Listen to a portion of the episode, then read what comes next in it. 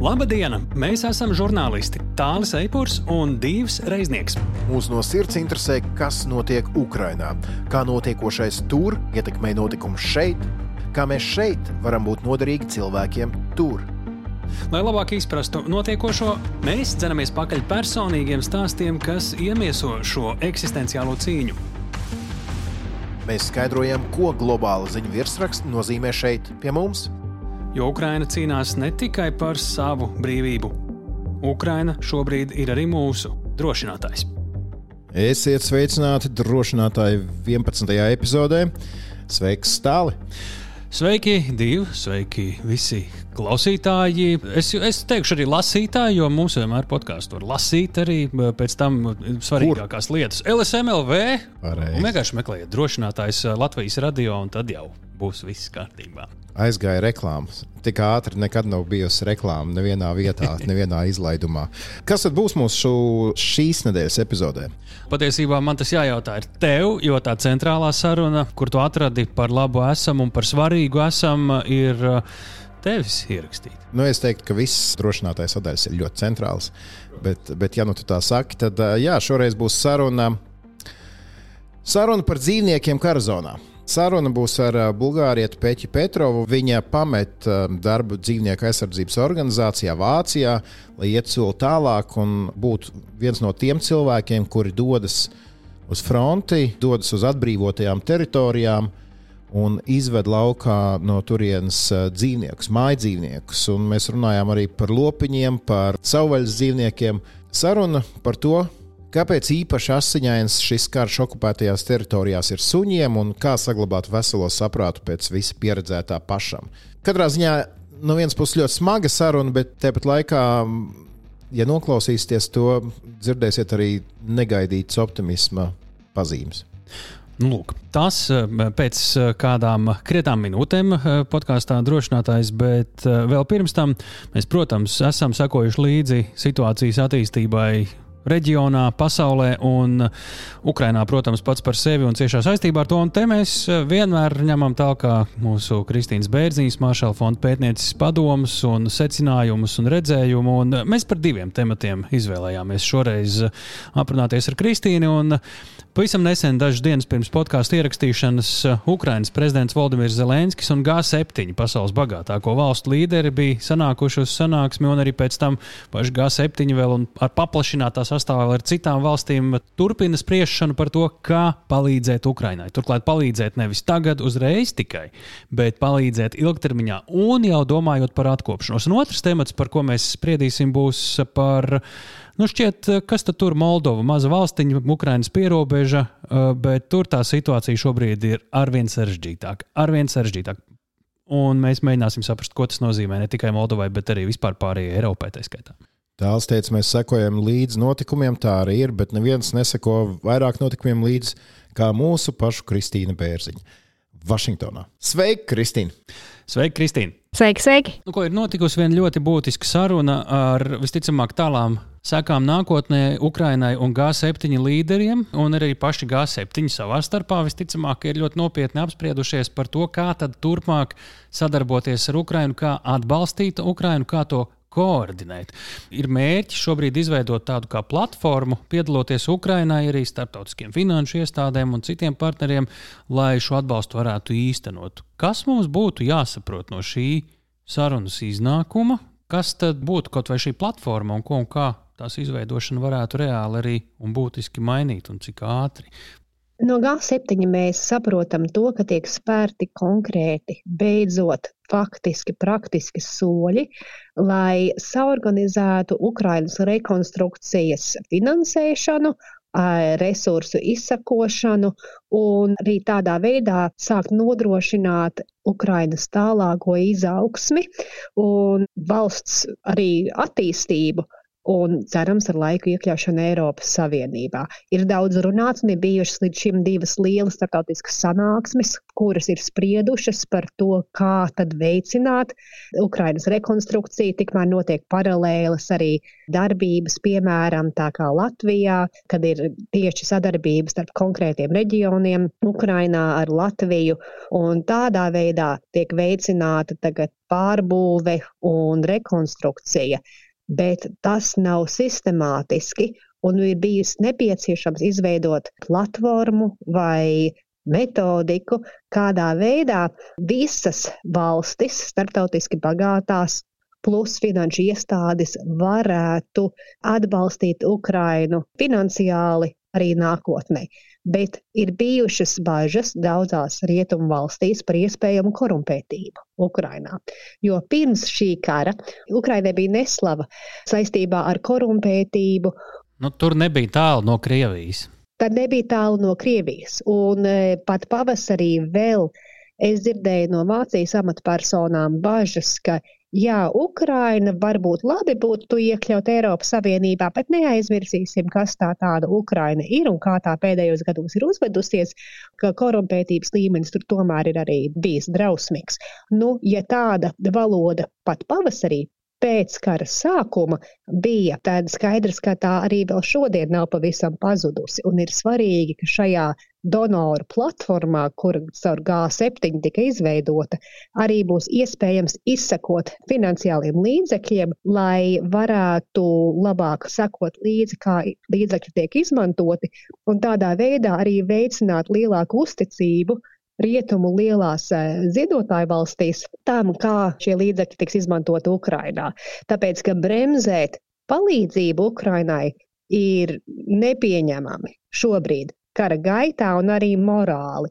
Un ir bijis nepieciešams izveidot sistēmu, kā radīt to uzticību starp lielajām, bagātām rietumvalstīm un Ukraina. Tā pašā laikā Ukrainā, Latvijā, it īpaši nu, šajā reģionā, visā skatās, nu, kas tad būtu tas nekavējošākais atbalsts. Rekonstruēt mēs varēsim vēl ilgi un ar korupciju cīnīties, vai no G7 samita mēs arī šeit kādus vēstījumus redzējām. Nu, jā, un tieši tā arī ir primārais, un tad ir otrā plānā rekonstrukcija. Un tā prezidents Zelenskis arī G7 teica, ka svarīgākā ir šobrīd cīņa, un kas ir nepieciešams, ir ieroči, tādi, kādi, par kuriem mēs runājām pirms nedēļas, tādi, kuri varētu tālāk šaut, un arī gaisa aizsardzības sistēmas.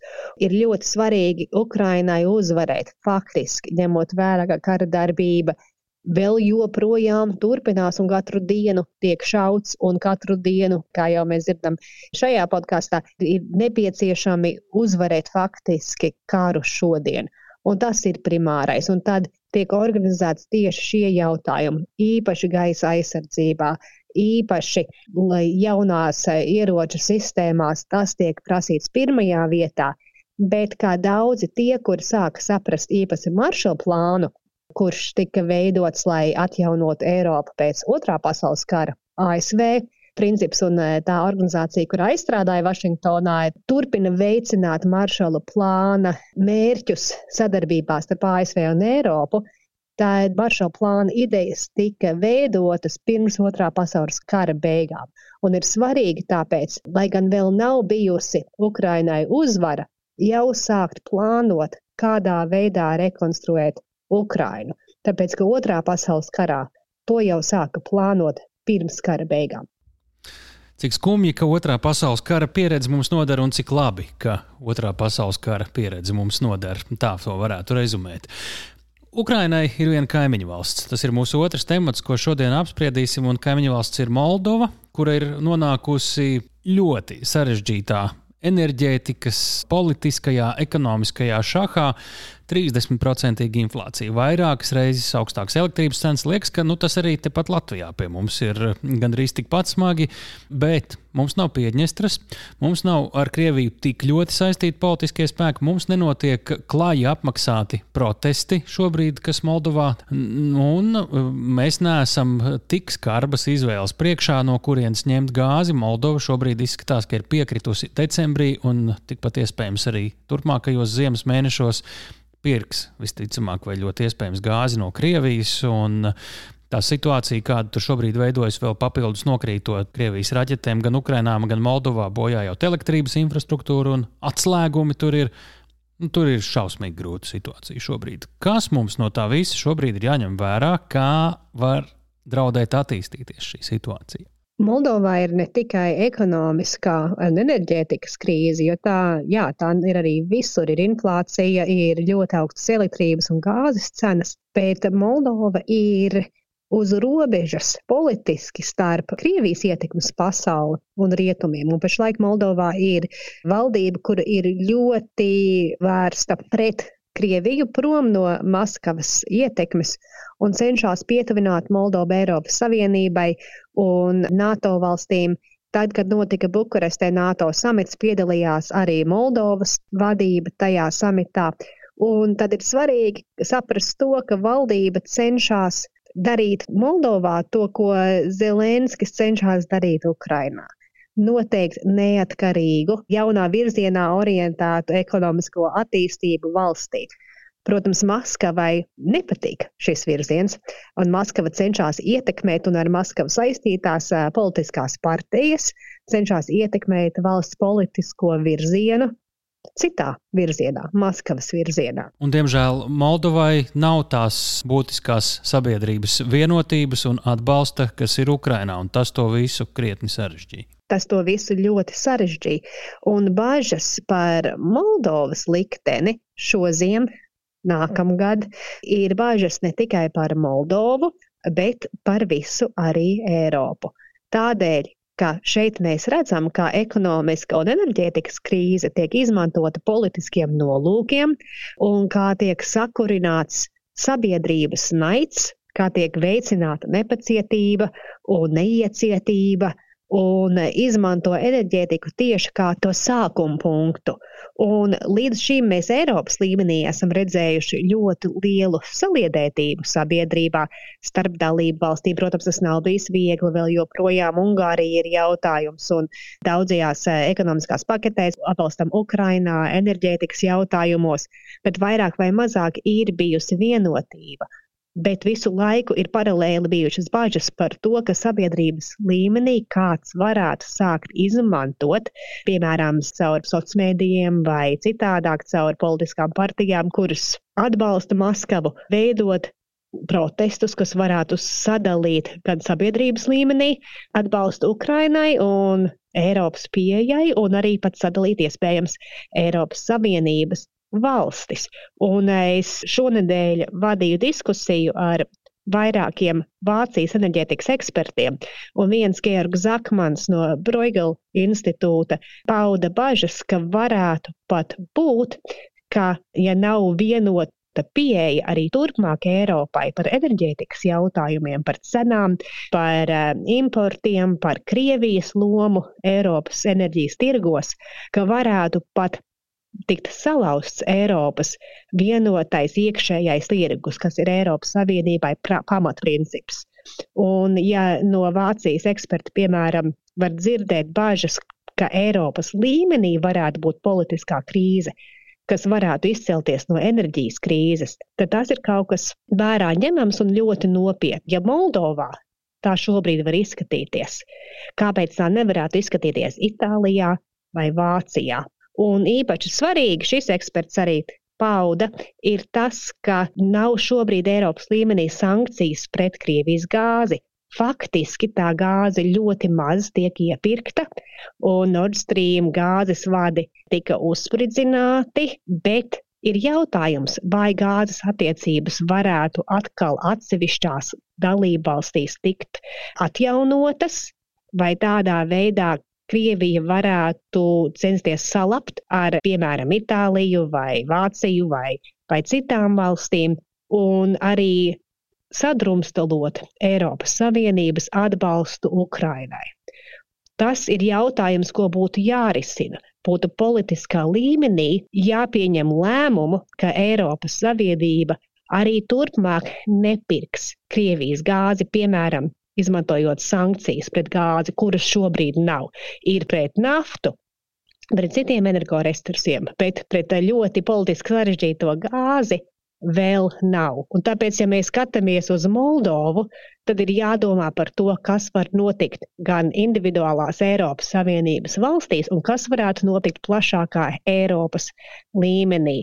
Un ir iemesls saspringt tagad, jā, ir ziema, jā, ir grūti, bet ir jāpieņem lēmums tagad, lai tagad atslābs, tagad paliek siltāks, lai neiekrīt vecajā rutīnā, ka nu varbūt nedaudz no Krievijas šeit vai tā vai tā, sadrumstalot atbalstu, sadrumstalot pieeju, un tad vairāk nenoturēsies Eiropas arī varbūt plašākais politiskais atbalsts Ukrainai šajā karā un visam sankciju paketēm pret Krieviju.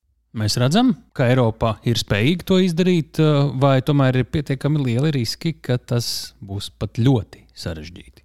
Jebkurš lēmums šobrīd Eiropas Savienības līmenī, īpaši dēļ Ungārijas, ir ārkārtīgi sarežģīts. Ungārijas jautājums šonadēļ, šomēnes ir sarežģīts tādēļ, ka Ungārija cenšas dabūt savu Eiropas Savienības naudu un uh, ir gatava bloķēt principā jebko, lai uh, tiktu pie tā, ko viņi tā pati grib. Un tāpēc ir jautājums, vai var atrisināt Eiropas līmenī Ungārijas jautājumu, gribot, negribot, uh, ja tas palīdz Ukrainas vai enerģētikas jautājumos, Bet, ja atrisinātu Ungāriju, tad varbūt varētu atrisināt arī, piemēram, lielos enerģētikas jautājumus un Ukraiņas atbalsta paketes. Nu, ko, e, jāsaka, tā viss šobrīd ir tik ļoti e, saistīts, ka mums jāskatās uz vismazākajām niansēm, visas arī mazākajās valstīs, kas pat nav Eiropas Savienībā. Tā skaitā sakām paldies tev un tiekamies e, atkal pēc nedēļas podkāstā drošinātājs. Paldies un tiekamies pēc nedēļas! Paldies, Kristīnai! Paldies, Kristīnai. Te nu jāsaka tā, ka, ja reiz mēs tieši par Moldovu runājam, tad Kristīna varbūt vairāk pastāstīja, kā Moldovas stāsts var atbalsoties citur Eiropā, bet ja par pašu Moldovu runājam. Nu, Moldova ik pa laikam nonāk ziņu virsrakstos dažādu iemeslu dēļ. Zinām, ka Moldovā ir kritušas raķetes, vai ne? Tur ir šīs demonstrācijas un, un elektrības atslēgumi Ukrainas. Bet pati lielākā problēma šobrīd ir šī starptautiski neatzītā Piedņestras republika, kas ir bijusi Moldovas sastāvdaļa, tāds puskrimināls placdarms, kurā atrodas arī apmēram pusotras tūkstotis Krievijas nosacīti. Es tagad rādu ar pirkstiem, rādu pēdiņas, miera uzturētāji. Un, um, ja klausās Ukrāņus un to pašu kaut vai Arestoviču, viņš ik pa laikam izmet tādu, nu, kā mums ar Moldāviem ir ļoti labas attiecības. Ja viņi mūs uzaicinās, mēs noteikti palīdzēsim viņiem. Proti, nu, padodiet mums tikai iespēju, mēs tos pusotru tūkstoti varam izdzīt laukā. Tā kā šis ir jautājums, un tā Moldovai noteikti ir vērts pasakot līdzi pa laikam, jo nu, tas ir jā, vēl viens tāds blakus stāsts šim lielajam stāstam par Ukrajinu. Turklāt, kas ir vistraģiskākais uh, šobrīd un visjaunākais? Krievija arī Moldovā izmanto šo savu gāzes šantāžu, ko daudzi varbūt nezina Piedņestrai. Tā gāze, ko Krievija piegādā Moldovai, tā gāzes daļa, kas aiziet Piedņestrai, ir pienāks par brīvu. Vai kāds pārsteigums? Jā. Uh, savukārt Moldova pati ir nonākusi sprukās ar visu šo, kas ir milzīgie cenu lēcieni energoresursiem uh, no Krievijas. Viņa gāzi var nopirkt vairāk reizes lētāk nekā, piemēram, no draudzīgās Rumānijas. Un viņi ir milzīgas izvēles priekšā, jo, ja viņi pirks šo dārgāko gāzi, tas atkal nozīmē nemierus. Nemierus par labu Krievijai atkal. Un faktiski Krievija liek tādu šaha vai pata situāciju Moldovai, ka viņa īsti nav kur sprukt šobrīd. Un, jā, it kā ir alternatīvi gāzes avoti. Un ar laiku tie tādi arī Moldovai visticamāk būs un pietiekami daudz. Caur Rumāniju, no Polijas, no Turcijas, Azerbaidžānas gāzes, bet šobrīd tā situācija joprojām ir ļoti kritiska. Un mēs jau no Kristīnas dzirdējām, ar ko tas var beigties. Ne, nu, tur tā lielā problēma ir tāda, ka sabiedrības viedoklis ir sadalījies 50-50. Apmēram viena tikai vairāk raugās uz Krieviju, ar ko gribētu saistīt savu nākotni, otra puse savukārt uz Eiropu. Un tas situācijas stabilitātei nu, galīgi nenāk par labu. Un es iesaku pēc šī podkāstu noklausīšanās arī aiziet un apskatīties karti, kādā vietā un situācijā Moldova atrodas, cik tuvu jūrai un tomēr ne pie jūras, kur tā piedņestra īsti ir. Tas viss, jo tos, to bildi jums padarīs krietni vien saprotamāku vēl. Un atskaņojiet lūdzu šo raidierakstu geogrāfijas stundās. Tu tiešām domā, ka mūsu klausītāji nezina, kur ir Piedņestra? Bet, ja tur paskatās precīzi, ir interesanti. Tā ir. Tā tur ir, ir, piemēram, ka Ukraina ir tā valsts, kas nogriež Moldovai pieeja pie jūras. Labi, iesim tālāk. Um, Pagājušajā nedēļā uh, tev tā bija intervija ar vienu ukrāņu karavīru par to, ko nozīmē mm, karot ziemā. Klausītāji, ja jūs neesat noklausījušies, noteikti to izdariet. Desmitā epizode. Desmitā epizode, jā. Bet šīs nedēļas laikā tu man atsūtīji kaut kādu vēl informāciju un teici, ej, paskaties, šis ir interesants. Un tā informācija bija par pārtiku, ko lieto kurā armijā. Eh, tur tika eh, pieminēta gan eh, Krievijas armijas pārtika, Ukraiņas armijas pārtika, ASV armijas pārtika, jeb NATO standartā to arī var nosaukt. Tas arī bija tas, ko mums runāja desmitās epizodes varonis Dmitrijs, kurš teica, ka ziemā ir jāēd vairāk, un ja par to nav padomāts, tad tas ir tas pats, kas nepiegādāt ieročus. Jā, un te es saprotu, ka mēs runājam nevis par lauka virtuvēm, ko mēs šeit zaļumballēs redzam, bet mēs runājam par šīm speciālajām um, ēdienreizēm, kas ir safasētas, saplānotas. Kā to pareizi pa, vispirms sauc? Nu, latviešu valodā to mēdz saukt par sauso uzturdevu. Tas nenozīmē, ka tā ir sausa, jo parasti tas nozīmē, ka tur pieliek klāt arī ūdeni un uzsilda, bet pārvedā viņu pietiekami sausā veidā. Tur gan ir dažādas nianses. Tā tad izstāst vairāk. Es tik zinu to, ka Ukrāņu sagādātajās pakās ir vairāk kaloriju un Krievu pakās esot mazāk. Nu, Ukrāņi jau kā parasti šī kara laikā par sevi īpaši daudz nestāsta. Par krieviem stāsta visu un pārsvarā slikt. Nu, tā tas ir. Tas jā, jā, ir karš. Bet viņi ir viltīgi. Viņi salīdzina vairāk ar amerikāņu pakām. Un, tā liekot noprast, ka nu, viņiem jau tās pārtikas tur pietiek pašiem, un viņi par to vismaz ļoti nopietni domā. Bet kas ir tajās krievu pakās? Viņi saka, ka krievu pakas ir pietiekami vienveidīgas, un nu, tā standarta paka, kas ir krievu armijas pārtikas paka, kas ir pats trakākais tur nu, nerunājot par garšīgumu vai negaršīgumu, tas ir atsevišķs stāsts un baudāmību. Bet tā paka ir viena izmēra un uh, apmēram līdzīga visos gadījumos, un uh, ar to noteikti nepietiek karavīram, kurš ir vai nu ļoti intensīvā kara darbībā, vai nu, piemēram, arī ziemas apstākļos. Ja ir vajadzīgas apmēram 4500 kalorijas dienā, tas ir par trim ēdienu reizēm kopā, mierīgos apstākļos, nu, sauksim arī to par vasaru vai ne ziemu, tad uh, ziemā tās jau ir 6000 vairāk kalorijas. Ja tu esi kaut kāds kainieks, kam ir milzīgi gabali jāveic, vai ir milzīgi stresa apstākļi, kas, piemēram, ja tev bombardē, tad arī izrādās gribas vairāk ēst. Un, ja tu esi slikti apgādāts Krievijas armijā, tajā brīdī arī tu salsti vairāk, un tad tev vēl vairāk vajag ēst. Tas viss noved pie pamatīgas morāles krišanās, un uh, tas jau kļūst izšķiroši. Nu, ziemā turklāt nāk starp citu citu klāt vēl, ka viņi nevar trankāt ogas, kartupeļus, kukurūzus, vālītus un vēl visu ko tādu. Es arī noskatījos Kijavas Independent uh, salīdzinājumu Krievijas un Ukraiņas armijas paka. Tā atzīme, ko mūsu kolēģi no šī medija bija ielikuši Krieviem - 4 no 10, Ukrāņiem 6 no 10. Labi, tas ir viņiem, bet kā ir Latvijas bruņotajiem spēkiem? Jā, mūsu Latvijas armijas sausā uzturdeva. Kas tad tajā ir? Es pieļauju, ka uh, tas nav vienīgais, ko dod mūsu karavīriem ēst, jo tā ir speciāli arī piebilde. Izmanto to tikai tad, kad nav kaut kādi ikdienas apstākļi.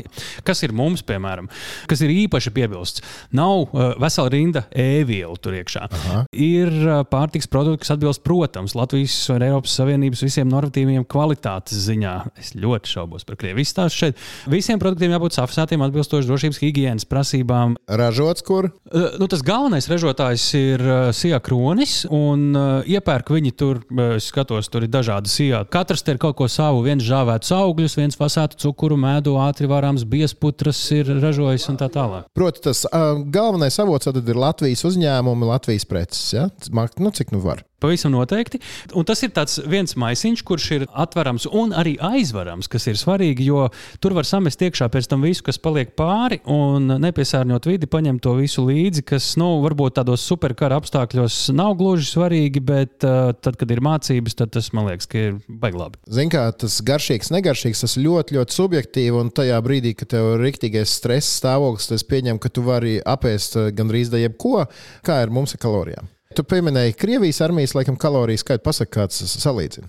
Tā pamatdeva, tā līdzinās tam, diemžēl, ko es redzēju Krievijas skaitļos, bet tas viss ir modificējams, papildināms. Bet tie ēdieni, nu, tur tiešām ir kārtīgi ēdieni iekšā. Nu, ja skatījos, piemēram, Ukrāņu un Krievu pakās, tur ir daudz buļģiņu, kur tu pats kaut ko meistaro kopā no tā, un tev ir gatavs siltais ēdiens, tā kā ēdnīcā paņemts. Karpanāda franču gaumē ar majonēzi restīti.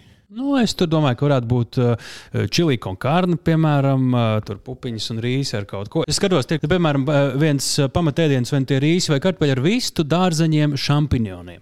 Man liekas, ka normāli. Tas ir numurs viens. Numurs deviņi ir čilīka un kārni. Starp citu, es atceros 90. gadu pats sākums. Man radnieki bija dabūjuši tādu palielāku kasti ar Amerikas šīm pārtikas devām. Tur arī viss jau bija nu, teikt, sapakots veselai dienai, trīs ēdienreizes un bija tik garšīgi. Es atceros, gaļa ar kartupeļiem, tu tur nu, brīnumainā kārtā uztaisīja un tik garšīgi. Bija. Man pats interesantākais tajā Amerikas pakā arī es līdzīgi kaut ko satiku. Pirms krietniem gadiem bija tas sildelements, kas uzsilda to ēdienu, kur tu iedarbini, un pēc brīdiņa tev tas viss ir silts. Un Latvijas armijas pakā ir arī ir tāds sildelements, tas nozīmē, ka tev nevajag kurināt uguni, tev ienaidnieks tavus dūmus neieraudzīs. Tas, tas arī, ko teica pagājušajā nedēļā šis karavīrs Ukraiņš, ka ziemā ar šiem termobinokļiem ļoti labi var pamanīt pretinieku. Cevišķi, ja tu sāc tur kurināt plīti, tad tu vienkārši esi uz dēlnes. Ja? Mēs te ar tādu vieglu smaidu intonācijā to sakām, bet uh, tur kaujas laukā šie visi ir kaut kādos brīžos ļoti izšķiroši faktori. Klausies, mēs galīgi aizrunājāmies. Divi nekaravīri. Es teiktu, tā, ja kāds karavīrs mūs klausās, droši vien varbūt viņš iesmēja kādā brīdī par mūsu zināšanu līmeni. Katrā ziņā interesanta tēma. Ja jums ir sava pieredze ar šī, šādu, šādu veidu pārtiks pakām, um, rakstiet mums, atrakstiet uz drošinātājs Latvijas Rādio LV. Uh, mums būs interesanti dzirdēt arī jūsu pieredzi. Starp citu, mēs nenosaucam, kas tad īsti ir iekšā vēl bez pamatēdiena tajā pārtiks nu, nu, nu, nu, nu. Ir pamatēdienas deviņu varianti. Jā. Maize, šokolāde, rozīnes vai citu žāvēta augļu, pākšauga vai riekstu smēriņš, krēms vai sviests, vai grauzdēti pākšaugi bez taukvielām, šķīstoša kafija, tēja, cukurs, papildus pārtiks produktu, ko iegādājas pēc pieprasījuma. Starp citu, tas arī varētu būt tas, kur piemērojas laikapstākļiem dažādiem mm -hmm. un mhm. tam līdzīgi. Ātri pagatavojam biesputra ar augļiem vai piedāvām augļu dzēriens biesula un ēdiena piedevas mērcītes. Medus, kas latviešiem ļoti svarīgi, un šis viss ir vienā pakā, un kopējais svars Mini. 4 kg. 500 gramu. O, šis ir labi. Nu jā, šo tematu mēs beidzam. Paši varat palasīt, kā krievu karavīri risina pārtiks jautājumu. Diemžēl mēs esam redzējuši daudzus video, kur viņi vienkārši tvārsta zosis pa pagalmiem, vai sliktākā gadījumā mēs dzirdam arī stāstus par to, kā viņi diemžēl ir ēduši arī ukraiņu suņus, un tas viss ir diezgan baisi. Jā, nu tu, tu tā visai baisi pārgāja pie mūsu šīs nedēļas galvenās intervijas. Tā būs par dzīvniekiem. Par dzīvniekiem karā, par dzīvniekiem frontē, par dzīvniekiem okupētajās teritorijās. Šī būs saruna ar Peķu Petrovu. Viņa ir bulgāriete. Varētu prasīt, ko bulgāriete dara Ukrajinā, bet eh, jā, ar to mēs arī sāksim mūsu sarunu. Saruna būs angļu valodā. Ordināli, kā, kā vienmēr, ja saruna nav latviešu valodā, tad uh, mēs publicējam vēl vienu podkāstu versiju. Tieši tādu pašu, tikai bez tulkojuma, ja jūs gribat klausīties to ordinālu valodā. Jā. Mazliet varbūt atvainosimies arī par to, ka Ukrainā tie apstākļi un interneta un telefona sakari ir kādi ir, kā kurā brīdī. Jā, nu, tā skaņa nav ideāla, bet piedodiet, darām, ko varam. Jā, oriģinālā valodā līdz ar to būs daži sprakšķi, var klausīties arī ar tulkojumu, bet uh, jums ir izvēle. Jā. Tātad klausāmies divu tavu sarunu ar Pētju Petrovu, vienu no lielākajām Ukrainas dzīvnieku aizsardzības glābšanas organizācijām, jo Animals evakuācijas plāna īstenošanas speciālisti. Hello, Petya. Hi. If you can tell us, where are you now and what are you doing at the moment? Uh, well, right now I'm on a trip to the Dnipropetrovsk area, which is uh, area in the south of Ukraine, which is uh, less affected by war activities, like, for example, Donetsk or other places. But there we have a lot of shelters, which support our work and they take in the animals that we evacuate from the front line. So I'm bringing there today some generators to five locations. That's all shelters that uh, have uh, plenty of animals, and right now they're really struggling because of the many electricity outages that we experience in Ukraine right now. So today my mission is just to provide those shelters with generators so they can keep the animals warm and do their work. Tell me a little bit about yourself, how you got involved in uh, in saving animals. Uh, well, my, my journey with the animal rescue actually started uh, before the war in Ukraine. Um, to be precise, I wasn't really involved in animal rescue activities. I was an animal rights uh, campaigner. I used to work for PETA Germany. I guess PETA, everybody knows PETA, is maybe the largest organization in the world uh, which advocates advocates for basic fundamental rights for all animals, like right to their life, like uh, right to freedom, and so on. So I used to work at PETA for about two years before the war started. So this was, say, my passion, my my, my work before the war. And when the war started, first of all, I uh, was sent to the Poland Ukraine border uh, as a part of a PETA team uh, that was receiving and helping uh, refugees arriving with their animal companions at the border.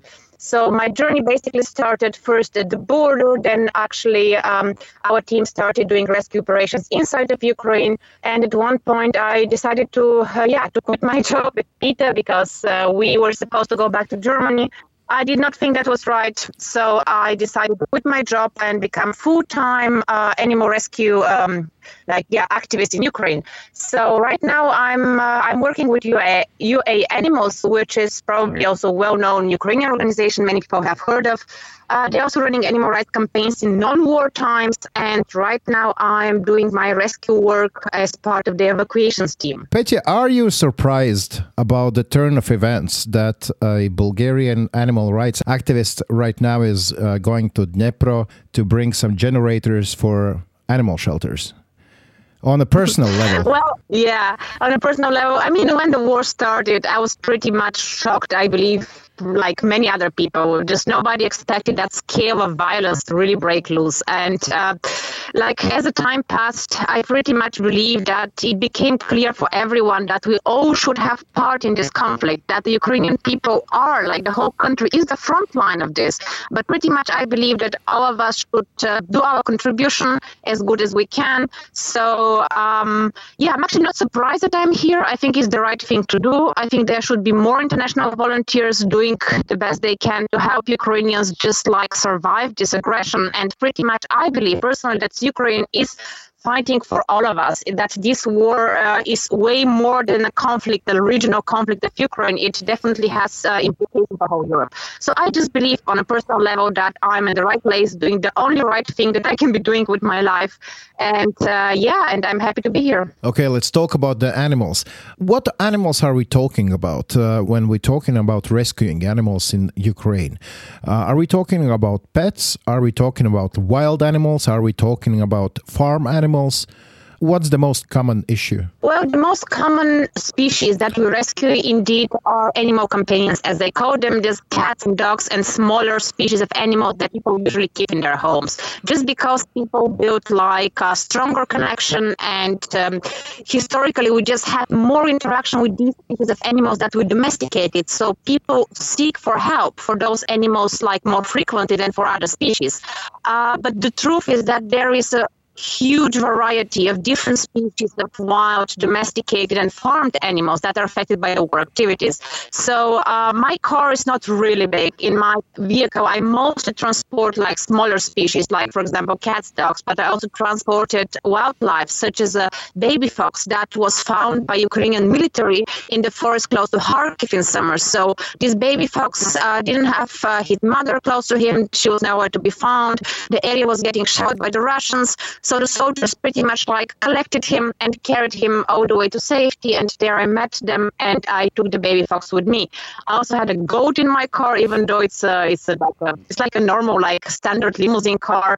Uh, I put a lot of straw and I transported a goat also from Kharkiv area in summer. Um, and he's called Mustafa. Now he is close to Kiev, and uh, we became very good friends with Mustafa. So even though maybe like from what is visible, it seems that cats and dogs are the most species that gets rescued, but in reality, there are like a lot of wildlife in the forest where there is fires, where there are missiles uh, dropping, where there is um, active battlefields. For example, in the fields of Kherson, a lot of the fields there are mined or they are just used by either army as a strategic battlefield. So all this wildlife that usually lives there is in great danger. So we try to evacuate to move those animals to safety. And finally, last but not least, we also transported to safe locations a big number of wild animals such as tigers, lions, or others that were kept in captivity in zoos for entertainment by private parties. So those wild animals are particularly tricky to rescue uh, because they cannot be rewilded. We cannot really let them out anywhere here in Ukraine. So we are trying to organize a transport for them to a place that is suitable.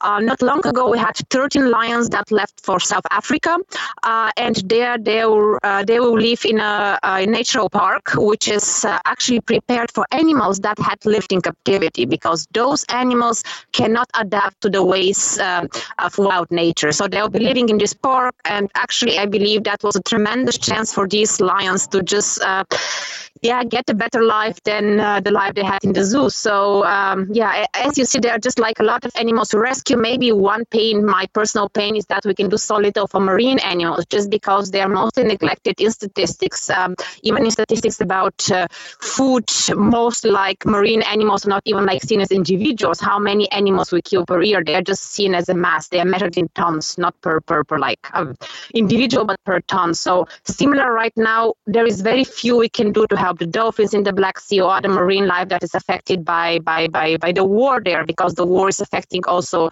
um, seas, is affecting uh, affecting lakes, affecting all types of water surfaces that are getting poisoned. So yeah, there is a whole lot of species that we try to help. Some some of them more, some of them less, depending on our possibilities. Uh, some time ago, just recently, there was the story about raccoons from Kherson and it's sort mm-hmm. of um, if you looked at the internet you saw many memes and it was sort of um, a light-hearted story during these terrible times.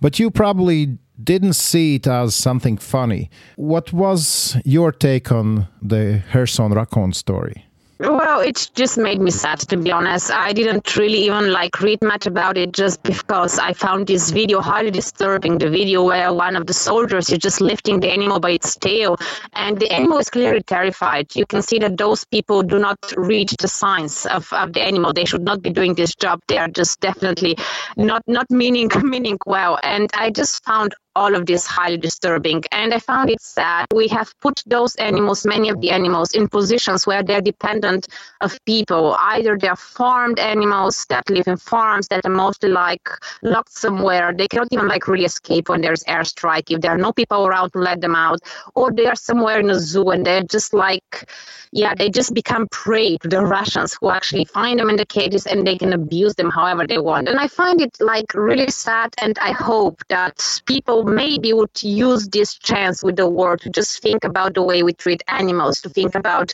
um, think about building a better, more morally substantial relationship in the way we treat we treat other species. So I, I hope that that will be the take from that because I believe I'm not alone in this uh, in this feeling. I think many people are disturbed by seeing the images of the yeah of cows that died in airstrikes or this raccoon or other animals that became victims of, of the Russian aggression. So so maybe maybe there is something good which will come out after all. We saw the raccoon story, but there and it just blew up, and everyone would, was talking about that. But uh, definitely, there are thousands of um, stories that are not being told because just because of this time because there are many people dying and and not all the stories about animals get through the news cycle. But um, do you have a take on how are the occupiers treating the animals?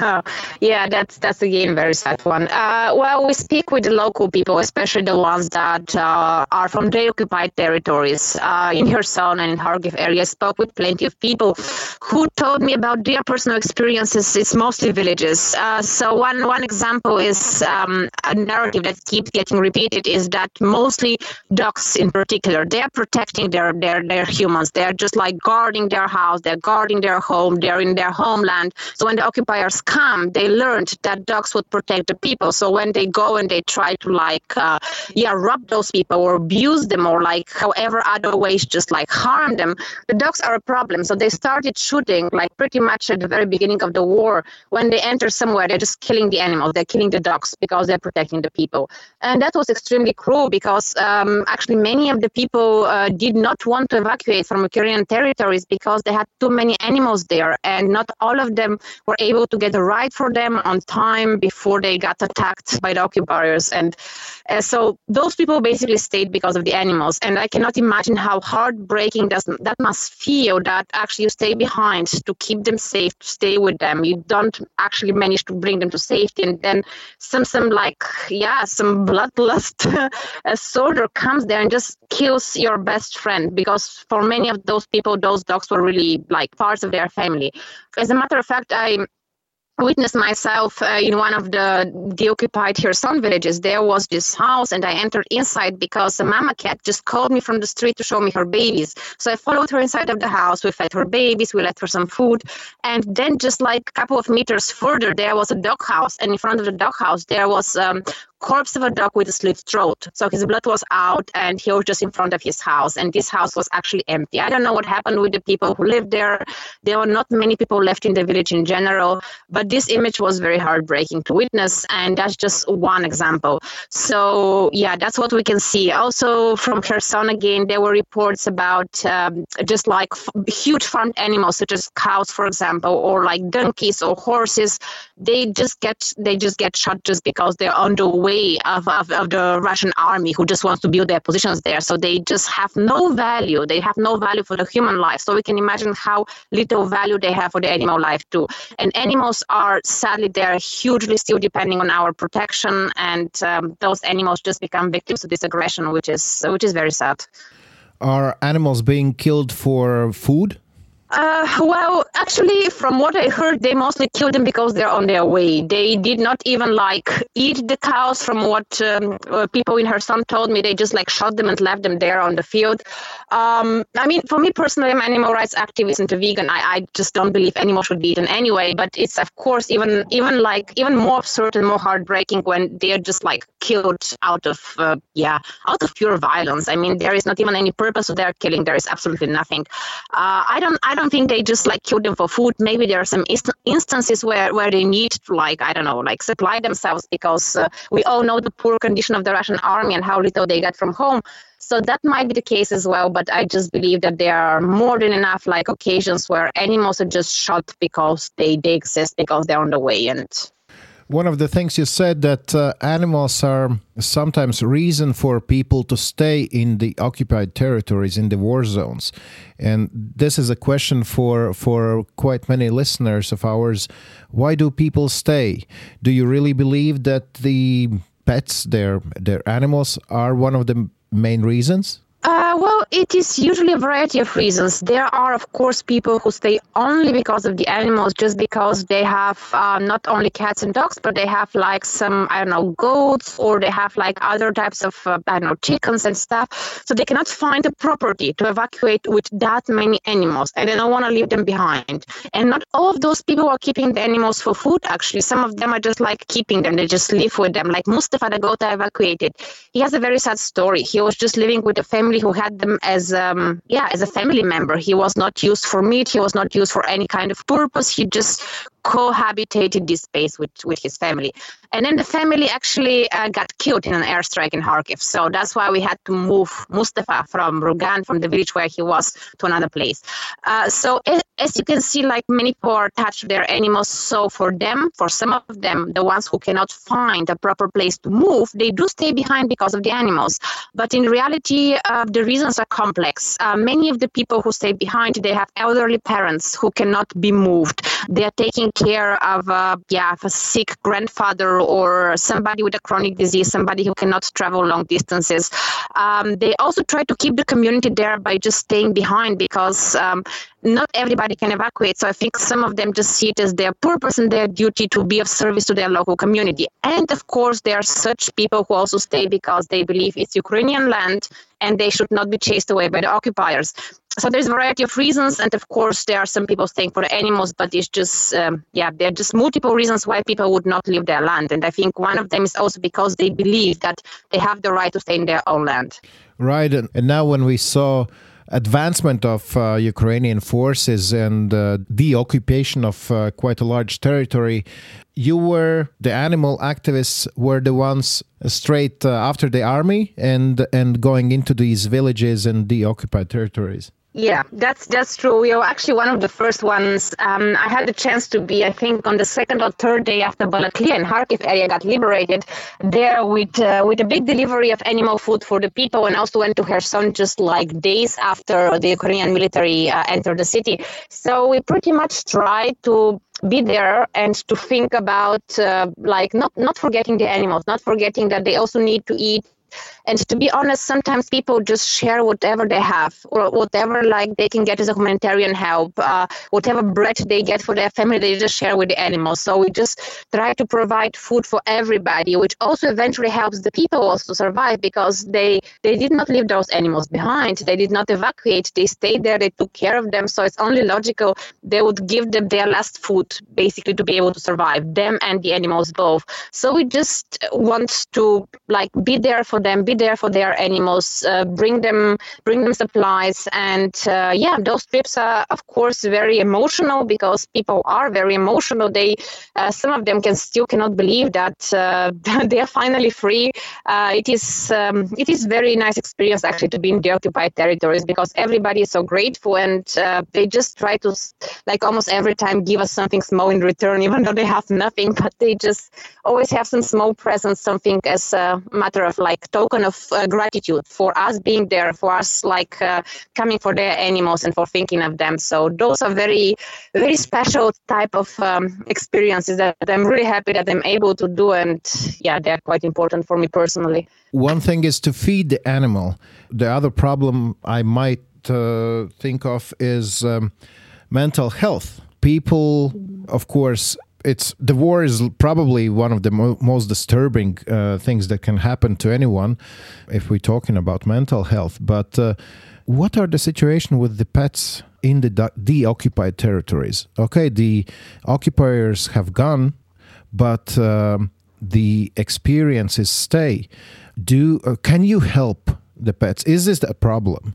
What have you seen in those uh, deoccupied territories um, I think this issue is a little bit more complex just because we have very few ways of really communicating with animals. On the one hand, we cannot really explain them that the occupiers are gone, that the situation is going to get better. We just don't have really ways to interact uh, with them the ways they interact with each other. So the problem with the language, animal language, and the way we can actually approach them is is a big thing in also matters of this psychological comfort. How to comfort an animal that is stressed. For example, to a child, you can still try to explain what's going on. You can tell them that's going to be fine, and you can tell them that like things are going to get better.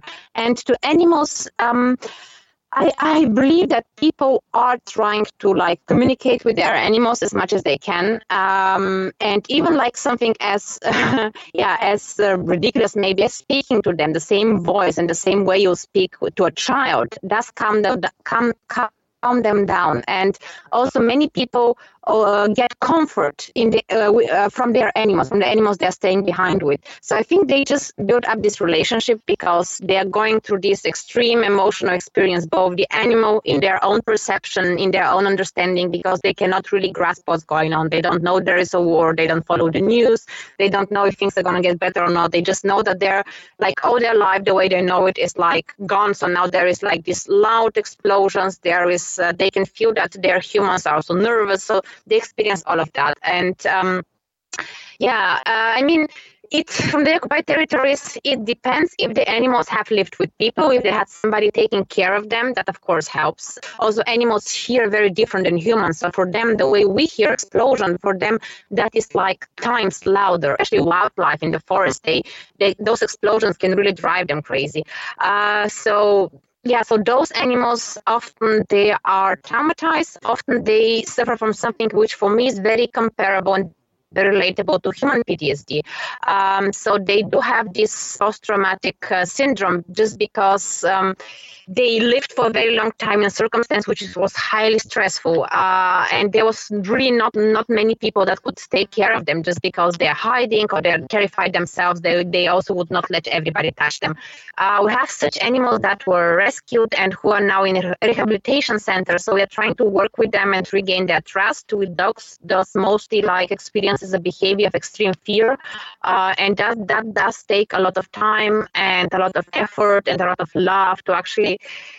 to actually try to make them feel yeah feel fine again. And um, we also have animals that were left behind sadly or, maybe the people got killed so we don't know what happened but there are animals that are deeply sad they are found for example by military in abandoned houses and so on. So those animals are also grieving just because uh, they lost they lost their humans they lost their best friends also in their eyes. So uh, yeah we have a lot of those animals. We have animals that are still in rehabilitation for months that are still terrified of everything and everyone but we're trying to work with them and just to make them trust people again and be happy again. Can you tell from first sight that uh, the dog or cat or goat is traumatized?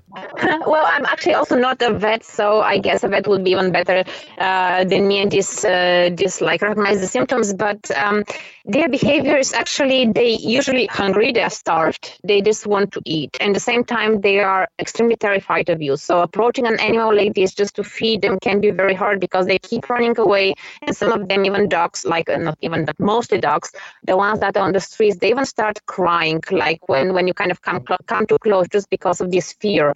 Um, and you try to feed them, but you have to follow them around, and sometimes they're hiding, so just walking behind them very slowly. You try to leave them food so that they can actually see it and come back. So it's uh, you have to be very patient with them, and you have to like uh, really take your time and.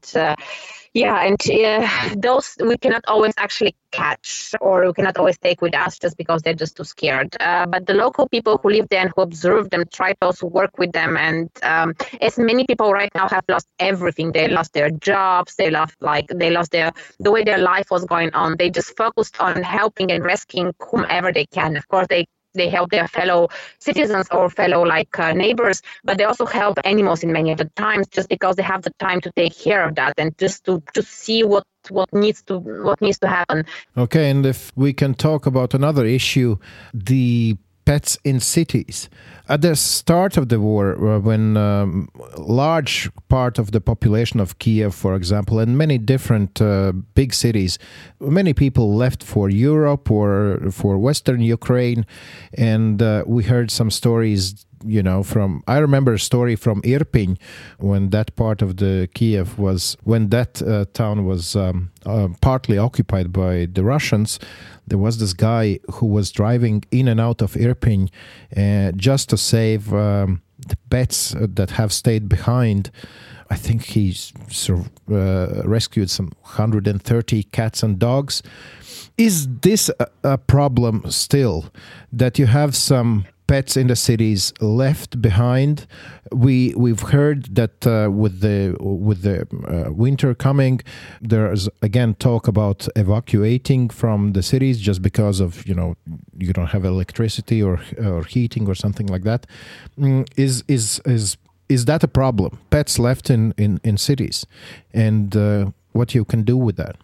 Yeah, it is still a problem, sadly, of course, because uh, not all people take their animals, even though the majority of the people do. I do find it like impressive. Even at the beginning of the war, the very first days, uh, we witnessed how many people crossed the border because I was at the Polish border, and I pretty much witnessed that every I don't know third or fourth uh, group of people that came, they were carrying one or more animals. So we definitely see that people, Ukrainian people, do care about the animal companions, so they're trying to take them, but that that's not always the case, not always possible. Sometimes also people sadly uh, just like yeah they sadly just die because everything is so dangerous in especially in the areas that are regularly shot. So they are free roaming former animal companions, so-called pets that are still living in the cities. So what happens right now is that we have the local people who are trying to uh, to gather them to collect them.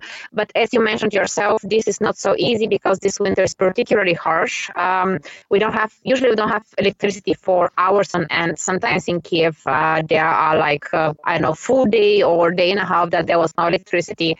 Uh, the water pumps also fail; they stop working when there is no electricity for a long time. The heating is also not working like almost all of the time. There is no heating here, so the winter is hard, and that's just Kiev, and Kiev is just um, relatively safe place let's let's say compared to other cities and in the in the in the regions which are directly under attack in the frontline cities the situation is even harder but uh, people there are also trying to like um, to find creative solutions. Like many of them started uh, uh, move to a place um, that is run, for example, on wood, so they can keep the animals themselves warm. And uh, the people that are leaving behind are mostly the ones that are now gathering all the left behind animals. So uh, as I mentioned in the beginning, that is partly also the way they see their contribution, that they are taking care of those animals. Um, not long ago, I went to Bakhmut and we evacuated 27 cats by a lady who was staying there only because of the cats. She said she's not going to leave the city until someone comes and takes those cats. And those cats were from neighbors. She was living in an apartment building of, I don't know, maybe eight story or 10 story building. And she said that many of those cats were living with people who are not there anymore for one reason or another. We don't know what happened. And um, she just collected them and she had all those 27 cats. And she said, I will, I want to evacuate because I'm scared, but I, I just need solution for my animals. And then we evacuated the cats on the first day. And on the second day in the morning, she managed to leave. And now she lives with her daughter in another part of Ukraine. Uh, so this lady is just one example, but there are plenty of those people who actually now locally take care of the animals as much as they can. Also, I think that um, international helpers and volunteers, and of course also organizations, are trying to organize better and just like support those people more now that we are already 10 months in this war, that we know what the problems are, and the people who do care for animals, and they are not so not so few as a matter of fact. There are quite a lot of volunteers, uh, non-associated with any organization. They just do transport of animals from uh, war areas to other safer regions, or even like Western European or Central European countries. But of course, in the front line, the most important is the ones that stay behind. They are taking this risk on them. What happens to those pets that uh, you bring out of Bakhmut or Kherson or other frontline cities? What happens to them?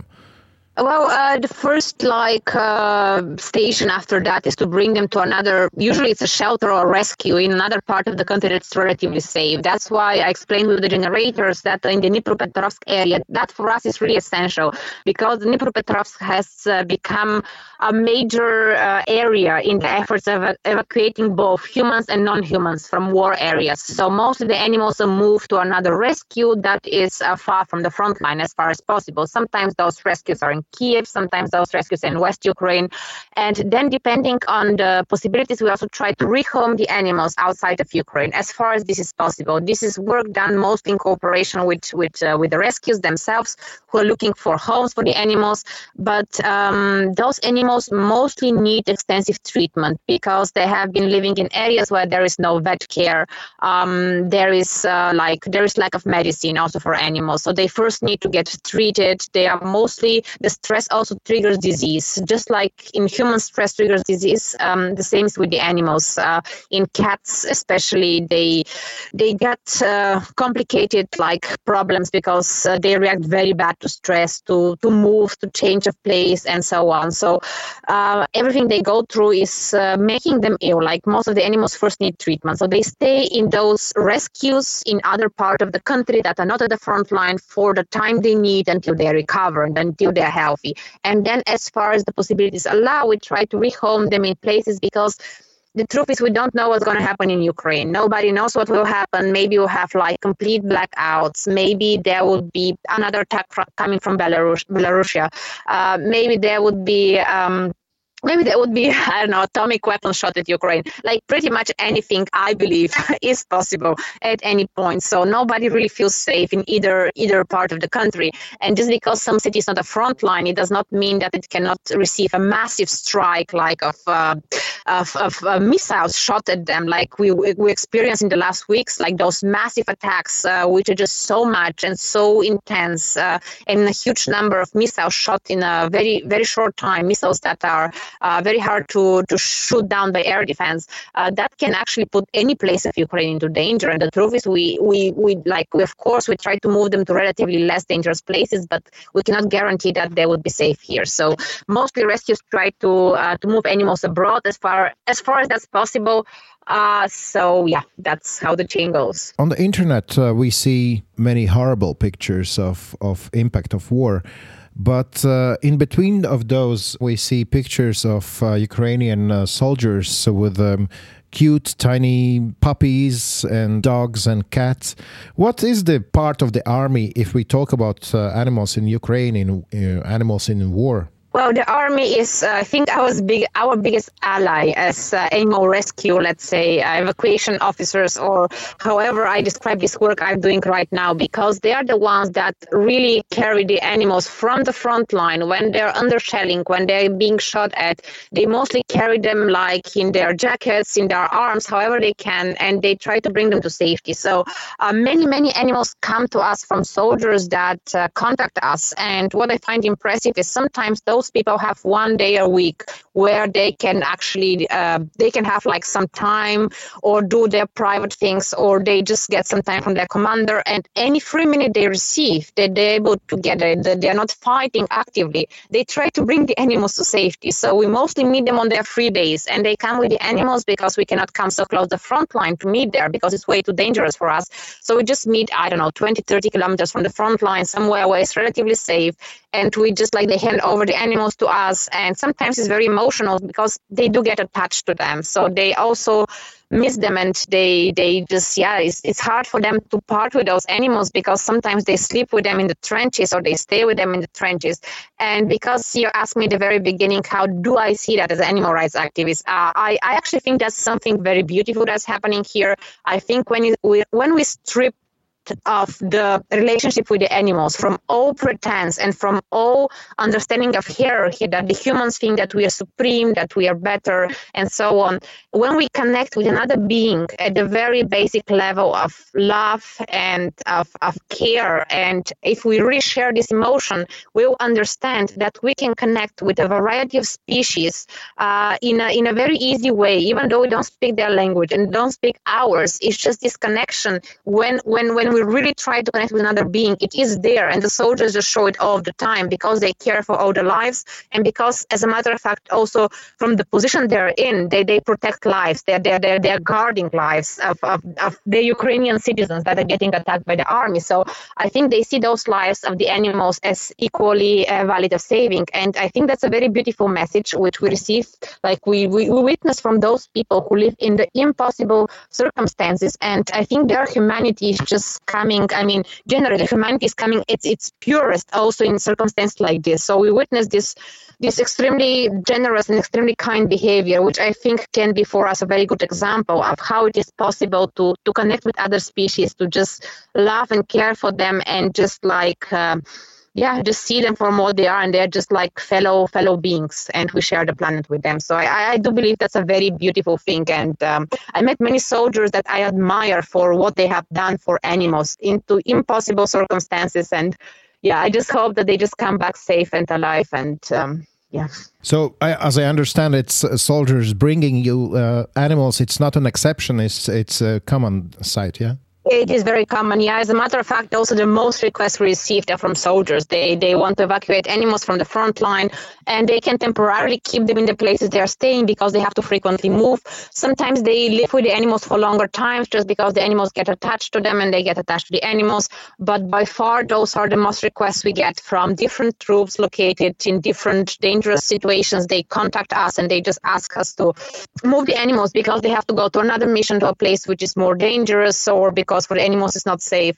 So yeah, it's very admirable in a way that they can part with those animals because they do get attached to them, but they understand it's important that the animals are safe. So soldiers and army, it, it, it is our biggest ally in, in saving those lives. Without them, we wouldn't be able to save, save that many, and they actually save them from the harshest and most complicated places. Your colleagues told me that you are the one who is going to the, the most dangerous places. You said about your experiences in deoccupied territories, uh, heartbreaking stories all around. How do you keep sane doing this job?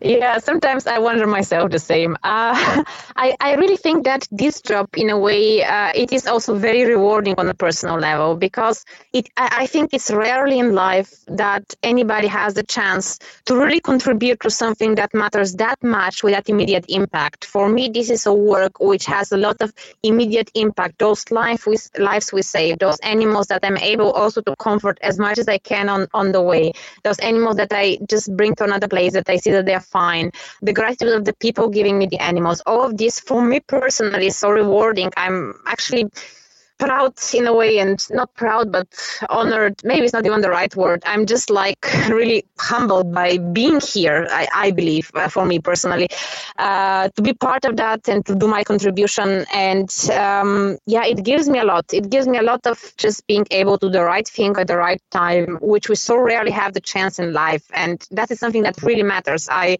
i pretty much think that um, much of the life in modern society has uh, drifted out of like really having a sense and purpose of what you're doing. And this sense of purpose and a clear goal and a clear like good doing, if we can describe it like very simple as that, uh, it's something unique and it gives me a lot. And I hope I can give something in return to the people and animals. I hope uh, I help. So it's um, yeah, it goes both ways. And the last thing, uh, what should I wish you?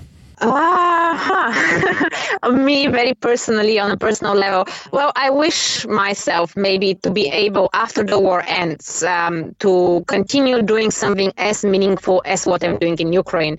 So maybe i don't know if you if you just wish me the clarity and strength to continue doing important work and to keep this up i'll be very happy because i feel so so uh, yeah so fulfilled by my life right now that i just wish that this would continue. And i hope the war will be over soon. So i hope that i would find another way to be a to be of uh, yeah to be of uh, use for the animals in a way. I wish you for your wishes to become true. Uh, stay safe please. and thanks uh, for the great uh, job you and your colleagues and uh, all the volunteers in ukraine are doing. And yeah thank you so much for for talking to us Thanks a lot. Thanks for having me and thanks for all of your good wishes.